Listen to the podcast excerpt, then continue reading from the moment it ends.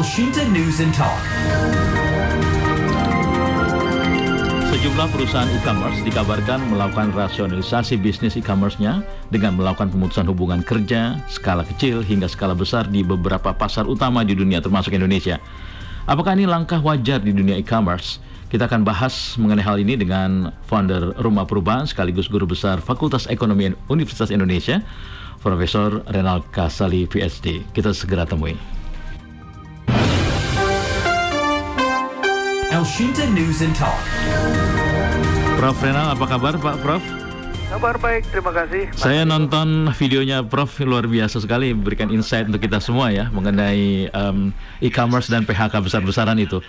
Pertanyaan pertama, kita ingin tahu nih Prof, apa memang benar um, kondisi seperti itu uh, yang terjadi sehingga kita juga perlu waspada. Tapi juga dalam video itu atau mungkin bisa dijelaskan ke Prof bahwa ini adalah sesuatu yang perlu dicermati. Bagaimana Prof itu? Ya, jadi penjelasan pertama adalah di seluruh dunia ekonomi sedang mengalami kontraksi yeah. di seluruh dunia uh, kenaikan harga pangan kenaikan harga energi uh, semakin banyak negara yang melarang untuk ekspor pangannya kemudian sekarang Amerika menaikkan tingkat suku bunga modal kembali ke negaranya Uh, kemudian pandemi mulai uh, menjadi endemi, yeah. orang mulai bergerak ke lapangan. Terjadi perubahan lagi. Nah, jadi uh, PHK terjadi di banyak sektor, baik itu startup maupun non startup.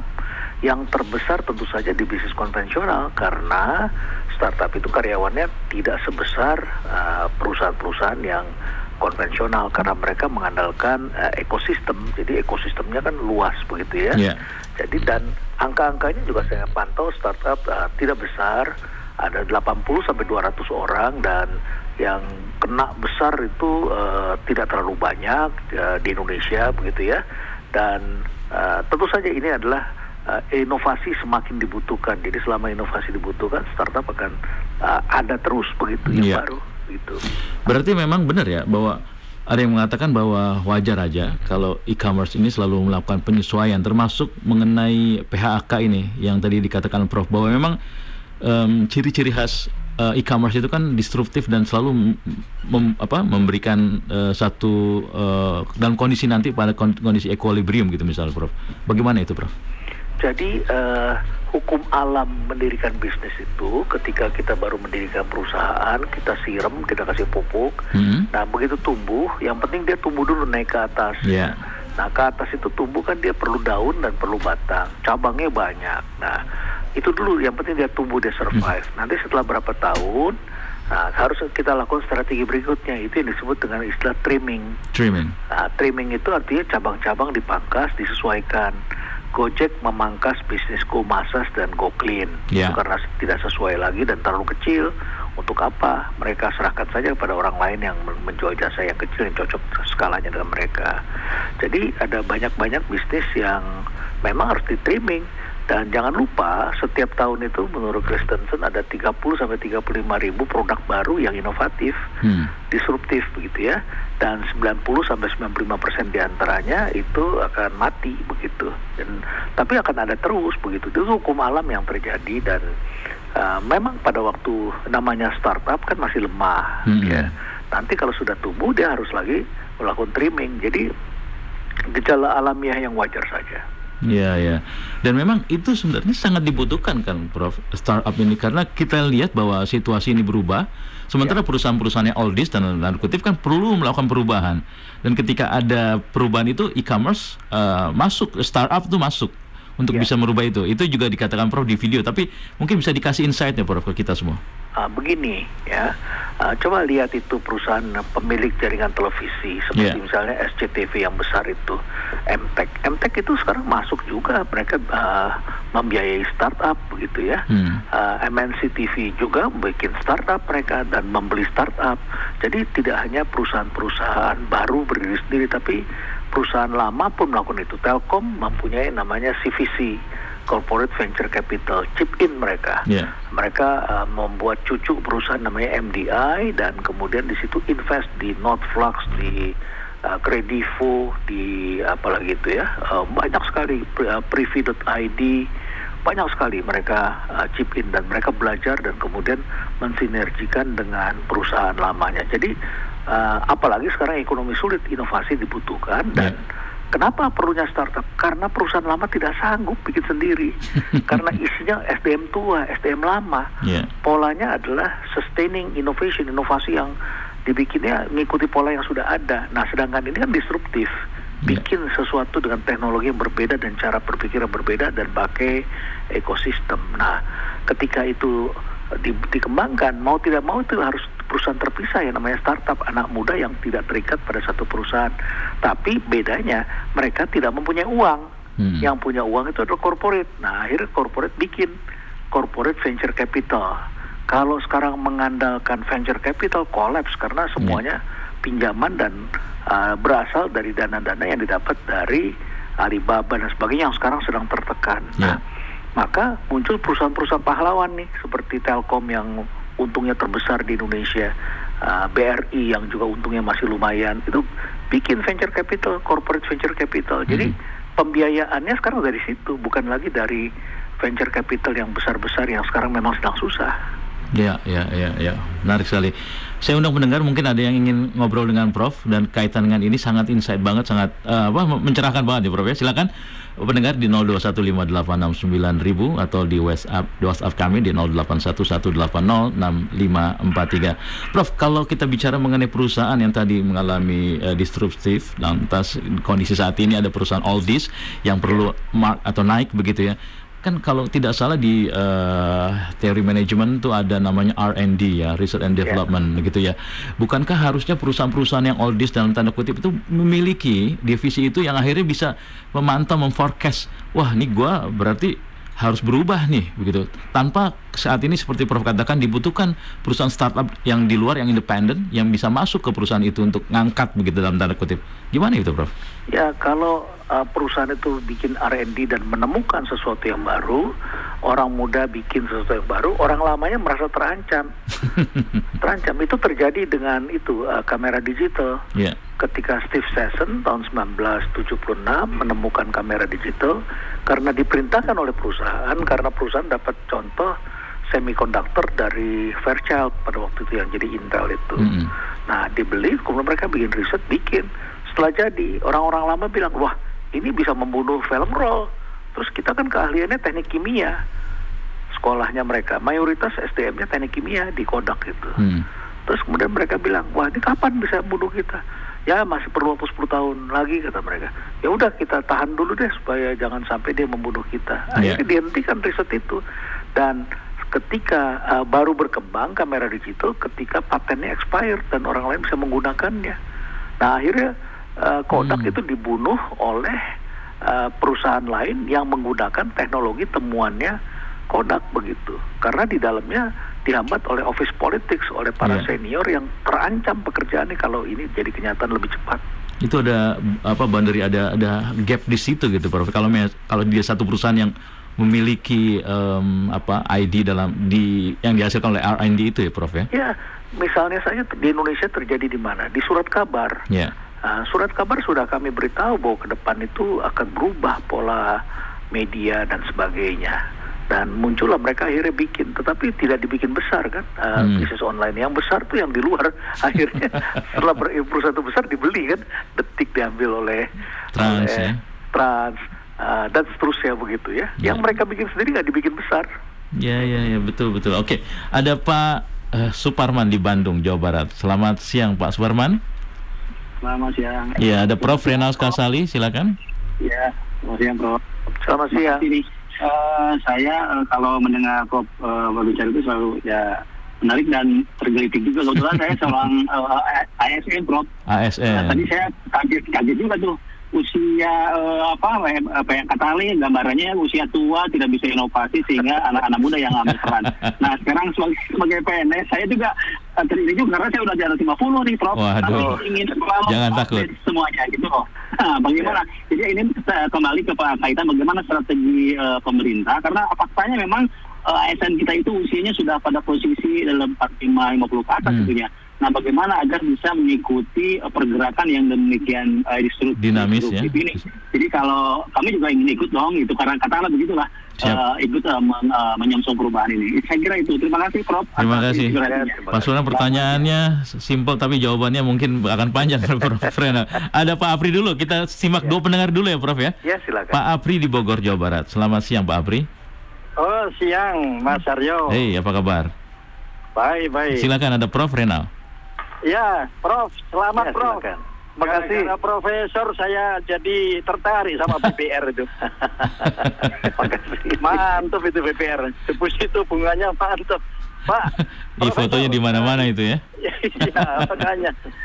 saya kebetulan ini Prof, eh, apa eh, dagang di e-commerce ya. E-commerce, Eh. Dari banyak hal itu dulunya buka lapak yang top ya. Sekarang kayaknya Tokopedia itu yang yang istilahnya eh, dengan stakeholder itu masih oke lah ya. Hmm. Nah, eh, ini ke, ke, depannya seperti apa ini? Tapi yang sebetulnya yang kepingin saya tahu ini adalah ini, Dok. Alu Bank ini ya.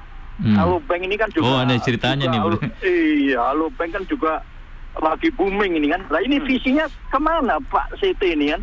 Oke, Eh, oke, apa oke. yang di ya, oke. Itu aja. Itu ya. Pak. Waduh, terima kasih Pak Apri ya. Salam sehat selalu. Salam buat teman-teman di sana. Itu Pak Suparman dan Pak Apri di Bogor. Mungkin Pak Suparman dulu. ASN gimana bisa compete ke depan di era disruptif ini? Karena ASN banyak yang apa dalam kondisi usia-usia yang segitulah begitu. Gimana, Prof? Ya, jadi eh, gini, Strategi pemerintah juga kalau tadi salah. strateginya sama seperti kita eh, mengembangkan anak kita. Ya. Jadi eh, kalau dulu anak nurut sama kita, ya iya betul anak nurut sama kita sampai di SMA. Begitu SMA, begitu dia kuliah dia ngajarin kita. Ya. Misalnya kita mau pasang WA, mau pasang eh, aplikasi, mengunduh aplikasi, alat pembayaran. Kita nggak ngerti anak kita yang ngajarin kita. Cara pesan makanan anak kita ngajarin kita. Nah, cuma bedanya di kantor itu PNS itu begitu eh, apa hierarki itu pegang peranan. Nah, sedangkan anak-anak muda itu cuma fotokopi, disuruh ini, disuruh itu. Sayang banget ya. PNS itu banyak yang jadi anak-anak sekarang mulai berpikir apakah saya bisa bertahan lama kalau pekerjaan seperti itu. Nah, Hmm, ya, ya. ya. oleh karena itu maka anak-anak muda itu harus diberdayakan berbeda dengan cara yang dulu. Jadi Ya. mereka harus dikasih ruangan, kemudian mereka usulin begitu monitor uh, cyber security-nya bagaimana, monitor uh, apa melakukan smart city bagaimana, smart service itu bagaimana. Nah mereka ya yang diminta pendapatnya. Bukan nanti uh, mereka rapat sendiri terus kemudian salah satu pejabat eselon 2 lapor ke eselon 1, eselon satunya langsung menolak. Begitu. Itu terjadi seperti itu. Jadi kita sekarang harus balik dan ada area yang memang kerjaannya eselon 1 dan eselon 2 terutama adalah untuk melayani pemerintah pusat karena itu kan cara berpikirnya terstruktur dan cara lama semua begitu. Ada rapat tatap muka paling lewat zoom begitu ya. Hmm. polisi harus diambil datanya begini. Data antar kementerian nggak sama. Itu cara kita orang lama begitu. Ya. Nah, cara anak muda itu pakai data science, mereka cek algoritmanya, mereka cek uh, search engine-nya, bagaimana data market gimana menurut Google, bagaimana menurut Tokopedia data-datanya, survei-survei yang dilakukan oleh uh, dunia baru itu seperti apa, data yang real time yang bisa kita dapatkan. Nah, itu kerjaannya anak-anak muda di situ dengan bahasa yang tidak dipahami oleh kita yang sudah menjadi pejabat eselon 1 atau menjadi menteri barangkali. Ya, begitu ya, ya. Nah, tapi uh, Tapi proven itu, Prof ya. Anak-anak muda itu ya. Lah, kita sekarang belajarnya dengan mereka. Saya Iya. bisa menghasilkan buku disrupsi karena saya dibantu anak-anak umur 25 tahun. Itu yang sudah Iya, menghasilkan begitu dan saya sedang membuat Sunday Market di sini setiap Sabtu Minggu dibantu mereka. Hmm. Dan kemarin viral kan berapa hari Betul, betul. orang banyak sekali ke sini. Itu karena kerjaan anak-anak muda begitu. Ya, ya, ya. Nah, jadi eh, sudah terbukti mereka memang efektif tergantung bagaimana kita eh, mengajak mereka dan membuat mereka tetap disiplin. Nah, Ya. itu dia. Berarti artinya memang ada yang harus dirubah ya, Ya, eh, Prof ya. betul. Kalau Pak Apri tadi gimana? Alo Bank dan kayak ceritanya banyak tuh, Prof tuh. Ya, ini kan sahamnya memang sempat meledak begitu ya, sempat uh, bergerak cukup luar biasa. Ya saya tidak tahu arahnya ke mana begitu ya. ya. Uh, tapi uh, sekarang ini memang arahnya menjadi digital banking begitu. Mm-mm. Dan konsumen kita memang ingin semuanya. Konsumen saat ini ingin semuanya, ingin yang mudah. Jadi kalau ada e-commerce bergerak cepat, maka kakinya ada dua, yaitu alat pembayaran dan logistik gitu. Nah, kalau kita hanya perusahaan punya punya satu pincang, maka harus bekerja sama dengan pihak lain di logistiknya. Iya. Kemudian kalau kita hanya punya uh, alat pembayaran saja, nggak ada nggak ada networknya juga repot. Maka Iya. networknya harus ada.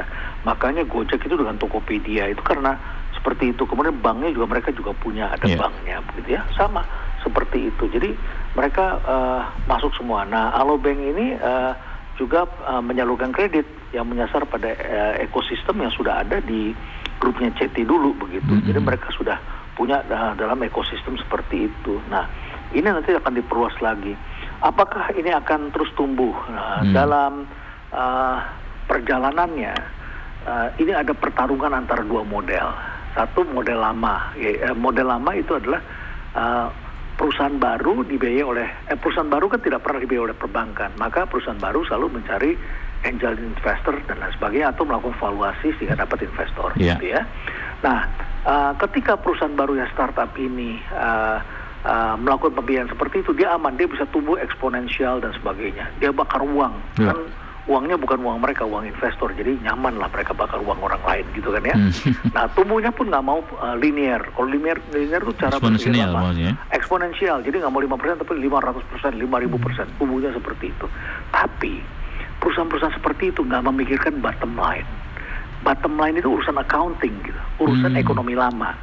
Jadi kalau kita beli saham di pasar modal, selama ini adalah kita lihat accountingnya, kita lihat uh, bukunya begitu ya. Mhm. Nah, buku itu adalah historical Yeah. year to date sampai 31 Desember yang kemudian diumumkan bulan Maret, kemudian rupsnya bulan Maret akhir atau Ap- April atau Mei begitu ya. Mhm. Kemudian diumumkan tahun lalu kita untung sekian. Nah, itu sahamnya bisa naik bisa turun tuh di situ Yeah. ya.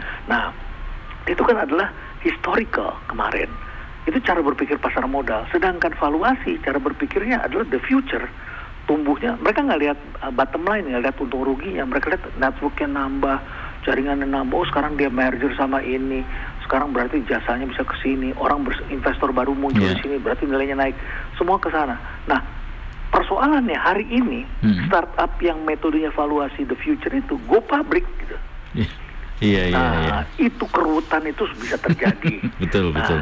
sekarang kita bertanya masa depannya dari mana? Bisa bacanya gimana? Hmm. Gini, cek betul-betul pembeli sahamnya itu adalah retail atau in, uh, atau uh, yang long term ya Hmm. untuk investment long term. Kalau dia retail itu cuma melihat opportunity sesaat. Wah harga Iya. lagi naik, bakal naik nih kita beli. Begitu har- harga udah mencapai puncak diprediksi sudah mencapai puncak, orang lepas rame-rame begitu. Habis. Nah mereka punya nggak jaring pengamannya begitu ya? Uh, Goto tuh sempat pun, uh, mengalami turun, Nah, tapi itu mereka dia. punya punya mekanisme untuk rebut kembali beli. Kalau turun sampai sini mereka beli. Nah masalahnya setelah itu kalau turun lagi dia punya uangnya nggak gitu setelah naik gitu kan ya? Kan dia punya terbatas juga hanya satu kali dia bisa lakukan atau beberapa kali di situ. Nah kita harus lihat. Nah beda dengan sahamnya katakanlah siapa itu ya dari anak perusahaan Telkom yang infrastruktur ya, yang power itu. Oh, Nah, itu pembelinya adalah long term. Pembelinya long term. Rata-rata adalah uh, investor besar dari Jepang, dari mana itu adalah infrastruktur adalah pembeli jangka panjang semuanya. Jadi kalau turun dia tidak terlalu dalam, uh, tetapi orang keep untuk jangka panjang begitu. Hmm. Kira-kira begitu. Nah, itu yang kita harus bedakan. Ini saham ini pemiliknya atau yang banyak main kan ini adalah retail yang uh, seller uh, atau yang investment begitu itu yang kita harus lihat. iya, iya. Menarik banget ini. Jadi memang perlu jeli juga ya siapa yang beli, apakah itu retail ataupun perusahaan yang memiliki eh, apa basis yang kuat begitu. Ini ada Pak Hendrawan di Jakarta. Pak Hendrawan, selamat siang. Terima kasih, selamat siang. Oke, mohon maaf lama ini biar Nggak apa-apa, menyimak. Justru saya minta menyimak dulu. Baik kalau saya potong eh, eh, nanti nggak ada meaningnya bah- bahaya juga. Betul, betul. Oke, silakan ada Prof Renal Kasali. Baik, terima kasih. Eh, Prof. Renal, selamat siang. Selamat Salam siang. sukses selalu. Ya. Terima kasih. Eh, Prof, sebagai masyarakat awam biasa saja, ada dua poin, Prof. Yang pertama, menyimak tadi yang eh, seputaran streaming eh, dengan topik eh, siang hari ini yang di pihak startup banyak yang eh, Tumbang, ya, katanya. tumbang. eh.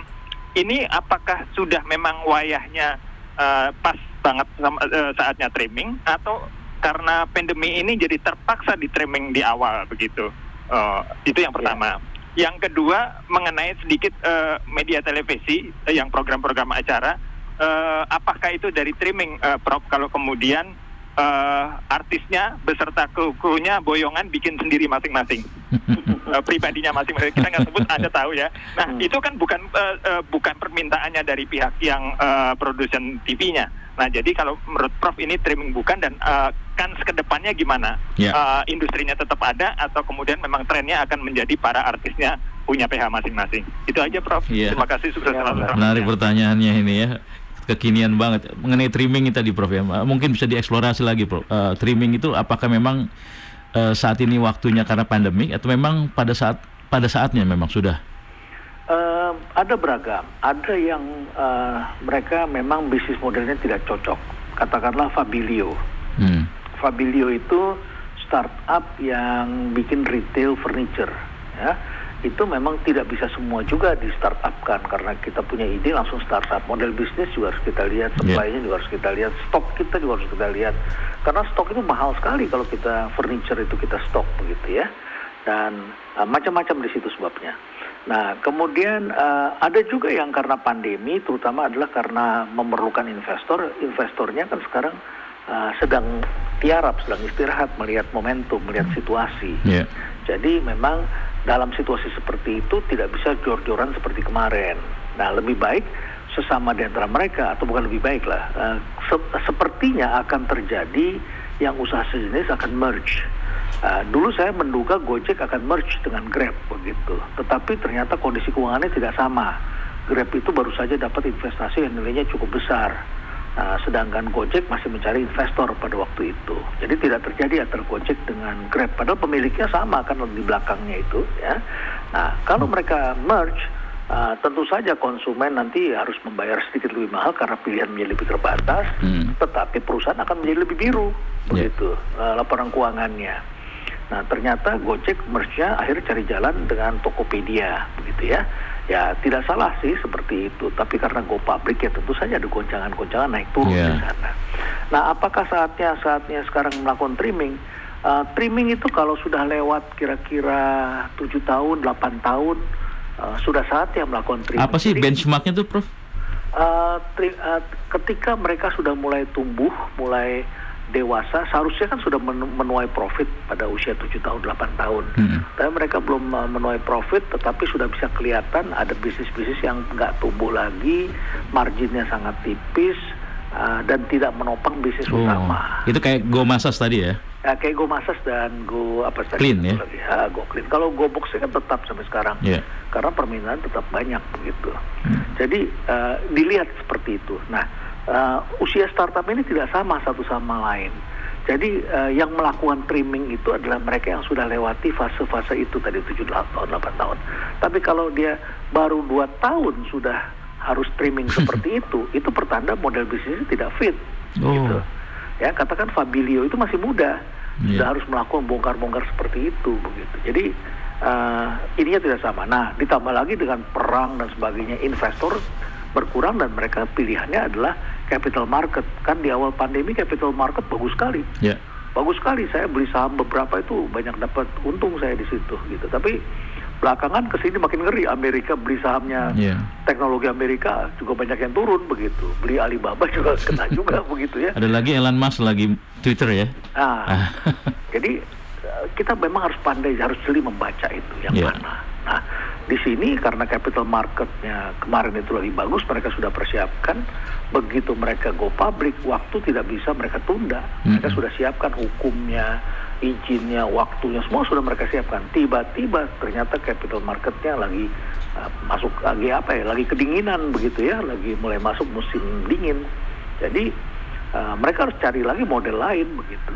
Iya, ya. terus terus beradaptasi. Kalau mengenai tadi yang televisi baru eh, apa namanya Ya. semuanya be- eh, migrasi ke YouTube gitu membuat kanal iklannya juga ke YouTube juga loh Prof. Iya, iya. Baik itu yang AdSense ataupun yang dibawa oleh si artis itu ya. Ya, Masuk Uya, ke YouTube Uya juga. dan Deddy Kobuser kan Iya, misalnya betul. contoh yang paling gampang ditambah yang lain dan mereka dapat 100% untuk mereka Iya, betul.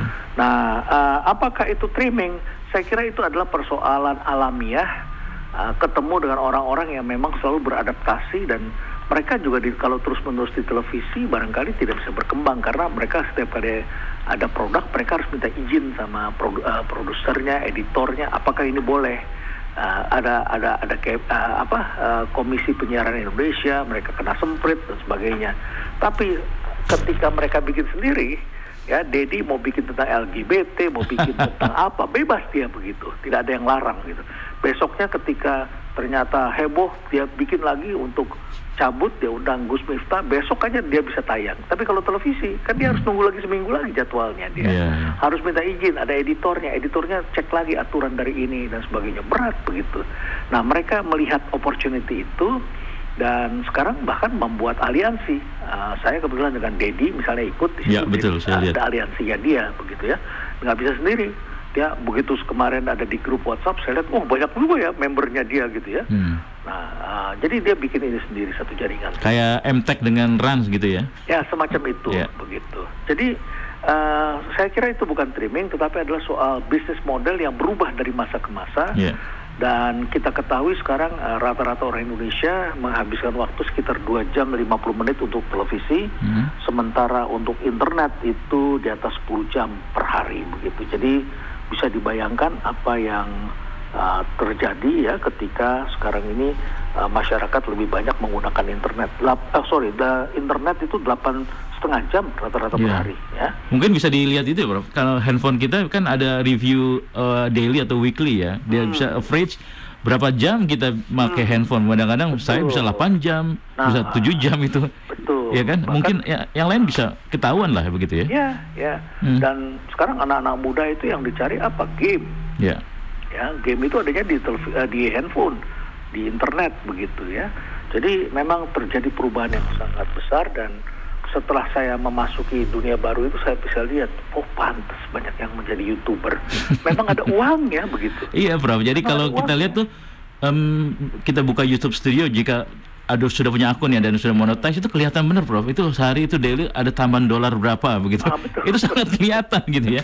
Jadi orang bagaimana nggak tertarik untuk bisa membuat eh, sebagai YouTube YouTuber Iya. dan membuat konten begitu ya. Ya, tetapi Mm-mm. hari-hari ini saya melihat juga trennya berubah lagi Hmm. Eh, sekarang TikTok Nah, itu. TikTok yang ringan yang hanya berapa detik, yang hanya berapa menit begitu ya, itu luar biasa dahsyat eh, dahsyat sekali. Iya. Dan sekarang ada TikTok Shop dan sebagainya. Nah, eh, penjualan pun tidak hanya pada e-commerce, tidak hanya pada eh, apa platform-platform yang sudah ada seperti Tokopedia, Shopee dan sebagainya, tetapi sekarang juga ada istilah namanya social selling. Hmm. Gojek ini baru menerbitkan satu buku dan kebetulan saya diminta untuk menyumbang satu tulisan. Uh, Gosen itu uh, judulnya Kiat Citu menjadi bestseller gitu ya. Nah, saya diminta untuk mengulas tentang social selling dan saya melakukan riset tentang social selling itu dan saya menghubungi anak-anak muda yang uh, tiba-tiba menjadi pengusaha di bidang uh, apa indie kosmetik gitu ya. Ya. Uh, bayangin ketika orang nggak keluar rumah tapi kosmetik penjualannya ramai karena ada skincare, ada alis mata. Jadi orang perlu tampil di sosial media yang keren gitu ya. Iya. Dan mereka mempunyai sampai 40 ribu reseller yang ada di rumah-rumah. Mereka sampai ke desa-desa. Orang desa sekarang pakai skincare. Um, mereka sewa rumah, pasang wifi dengan karyawan 10 sampai 20 orang. Kerjanya mereka itu melakukan social selling pagi hari, siang mereka uh, taking order, sore kemudian dikirim pakai Gojek gitu ya atau Grab uh, dan lain sebagainya, dikirim semua barang-barangnya. Nah, bisa dibayangkan Sadis sekarang ya. muncul kayak gitu dan itu ditambah lagi mem- memungkinkan karena industri maklun berubah. Jadi pengusaha kecil pun sekarang bisa membuat kosmetik tanpa harus mempunyai pabrik kosmetik dan mengurus badan pom untuk produksinya. Itu si maklun itu industri yang menerima order itu Hmm. 100 ribu, 50 ribu pun mereka layani dan kemasannya bagus-bagus ini. iya. Jadi terjadi perubahan yang membuat industri berubah. Ketika saya lihat misalnya uh, uh, harga sahamnya dan keuntungan dari perusahaan-perusahaan kosmetik yang sudah ada, yang kemarin melaksanakan pemilihan putri Indonesia dan sebagainya itu, uh, yang untungnya hanya sekian pu- uh, puluh miliar, itu mereka geli itu anak-anak muda itu, yang tidak punya pabrik yang dan sebagainya itu dalam keadaan mereka luar biasa sekali memainkan marketnya dengan Iya. cara yang disruptif ini. Banyak sekali sebenarnya yang saya mau tanyain Prof tentang beberapa hal ya ke depan mengenai dunia startup dan juga digital apa base komersial gitu ya. Kayak misalnya algoritma Google di Eropa mau dirubah dan sebagainya. Tapi sayang sekali waktu kita sangat sempit. Mudah-mudahan Elsinta nanti bisa berkunjung ke rumah perubahan Prof.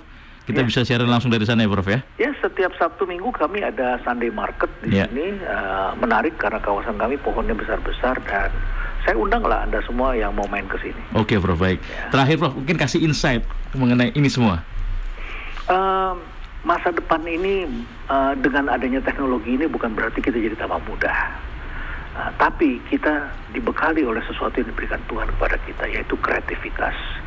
Karena saat ini semua orang bisa menjadi eh, apa eh, penyedia informasi, semua orang bisa menjadi kompetitor, menjadi supplier di seluruh dunia.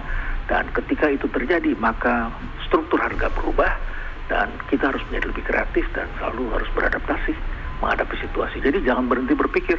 Ah, anggap aja ini sebuah game dan kita setengah bermain game dan game ini memberikan kehidupan bagi kita. Oke Prof Tring, terima kasih sekali waktunya bisa berbincang Terima dengan kasih El Sintamu. kembali. Sangat bermanfaat dan sangat memberikan masukan kepada kita semua. Mudah-mudahan juga dirasakan oleh seluruh pendengar dan juga netizen yang menyimak di lewat streaming El Sinta di elsinta.com. Baik, terima kasih Prof. Salam buat teman-teman di sana. Kita Terima akan kasih. jumpa di lain kesempatan ya Prof ya. Makasih, sampai ketemu lagi. Sampai ketemu. Profesor Renald Kasali PhD. Elshinta News and Talk.